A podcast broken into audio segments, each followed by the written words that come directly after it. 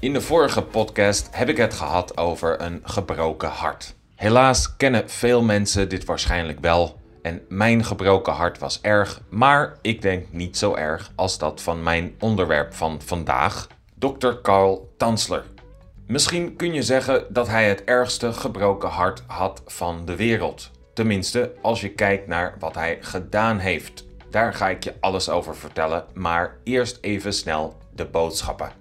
Dit is de Dutch Today podcast en ik ben Martijn, docent Nederlands. Leuk dat je luistert. Eh, volg me ook op YouTube en Instagram voor meer content. Deze podcast wordt gesponsord door mezelf, dus als je een kleine donatie doet, is dat heel fijn. Dat kan via de Buy Me a Coffee link of via PayPal via het e-mailadres in de beschrijving. Oké, dan gaan we verder met het gebroken hart van Dr. Carl Tansler.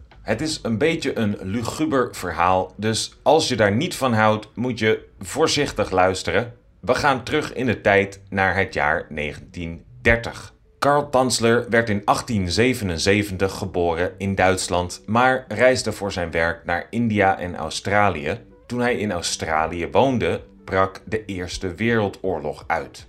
Omdat Duitsland de vijand was, werd Karl gearresteerd en in de gevangenis gezet. Na de oorlog werd hij teruggestuurd naar Duitsland. Daar trouwde hij met Doris Schaefer en ze kregen samen twee dochters. Zijn moeder vroeg hem op haar sterfbed om naar Amerika te verhuizen, waar zijn zus ook woonde. Dit deed hij en zijn gezin volgde hem al snel. Carl ging werken in een militair ziekenhuis in Key West als radioloog. Een radioloog is iemand die werkt met röntgenfoto's en echo's om diagnoses te doen, tegenwoordig ook met MRI's trouwens. En op een dag kreeg hij een patiënte binnen die zijn leven veranderde. Maria Elena Milagro de Goyos, een lokale Cubaans-Amerikaanse vrouw, werd door haar moeder naar het ziekenhuis gebracht voor onderzoek. En Carl herkende haar meteen. Van wat denk je dan? Van zijn visioenen. Carl had als jonge man namelijk vaak visioenen gehad van een dood familielid, de gravin Anna Constantia von Kozel, die hem het gezicht had getoond van zijn ware liefde. Hij wist zeker dat dit Maria Elena was. Helaas had de patiënte tuberculose, een ziekte die toen vaak fataal was. En Carl was geen dokter, hij was radioloog, maar toch probeerde hij haar wanhopig te redden met medicijnen, röntgenapparatuur en andere zaken die hij allemaal naar haar huis bracht. Ook gaf hij haar sieraden, kleren en andere cadeaus. Ondanks zijn moeite stierf Elena op 25 oktober 1931. Tansler betaalde voor de begrafenis en liet een mausoleum bouwen, een huisje voor de doden, waarin haar lichaam kon liggen. Hij bezocht het mausoleum elke avond, tot op een avond in april 1933. Toen stopte zijn dagelijkse bezoekjes. De familie vond het vreemd dat Carl niet meer naar het mausoleum ging. En waarom hoorden ze een paar jaar later dat hij soms in de stad gezien werd terwijl hij vrouwenkleding kocht? Waarom had een jongen die in de buurt woonde hem zien dansen in zijn woonkamer met een grote pop? De zus van Elena, Florinda, vond het allemaal vreemd en besloot in 1940, zeven jaar na het overlijden van Elena, bij Carl langs te gaan.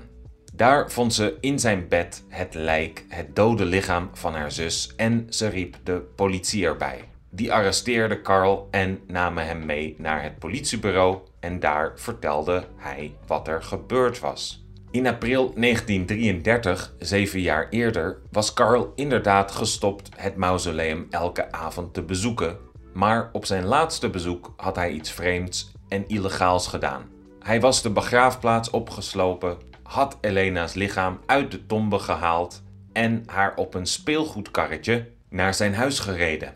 Hij zei dat Elena vaak tegen hem gesproken had wanneer hij naast het graf zat en haar favoriete muziek speelde. Dan zei ze tegen hem, beweerde hij, dat hij haar uit haar graf moest halen en mee naar huis nemen. Dat had hij dus gedaan. Thuis had Carl Elena's lijk versterkt met pianosnaren en haar glazen ogen ingedaan. Hij had haar ingepakt als een mummie in zijden doeken die hij in was en gips had gelegd. Hij nam de haren die ze nog had en maakte daar een pruik van die hij haar opzette. Hij deed doeken in haar borst en buik om haar een menselijke vorm te laten houden. En hij kleedde haar aan en deed haar sieraden aan en stopte haar zo in bed. Hij gebruikte ook veel parfums, desinfectanten en andere chemicaliën om haar beter te laten ruiken en om het natuurlijke proces van rotting tegen te gaan. Tussen haar benen had hij een buis aangebracht, zodat hij ook de liefde met haar kon bedrijven, al zei hij zelf later dat hij dat nooit gedaan had. En er is ook geen bewijs van, en sommige mensen denken dat dit alleen speculatie was van de kranten voor sensatie. Het was zijn plan geweest om zijn grote liefde de ruimte in te schieten op een raket, om zo de straling van de zon haar lichaam nieuw leven te laten geven. Gelukkig werd hij gearresteerd voordat hij dit kon uitvoeren. Tansler werd gearresteerd voor grafschennis. Hij had een graf geopend en het lijk eruit gehaald en dat was illegaal. En ik denk dat het nog steeds illegaal is. En deze misdaad was echter verjaard. Het was te lang geleden, dus Carl heeft nooit gevangenisstraf gekregen.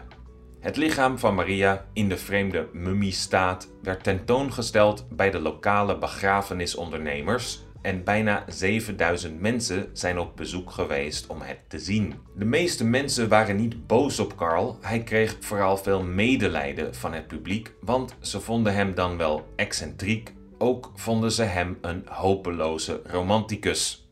Hij stierf alleen in 1952 in zijn huis, waar hij drie weken na zijn overlijden werd gevonden.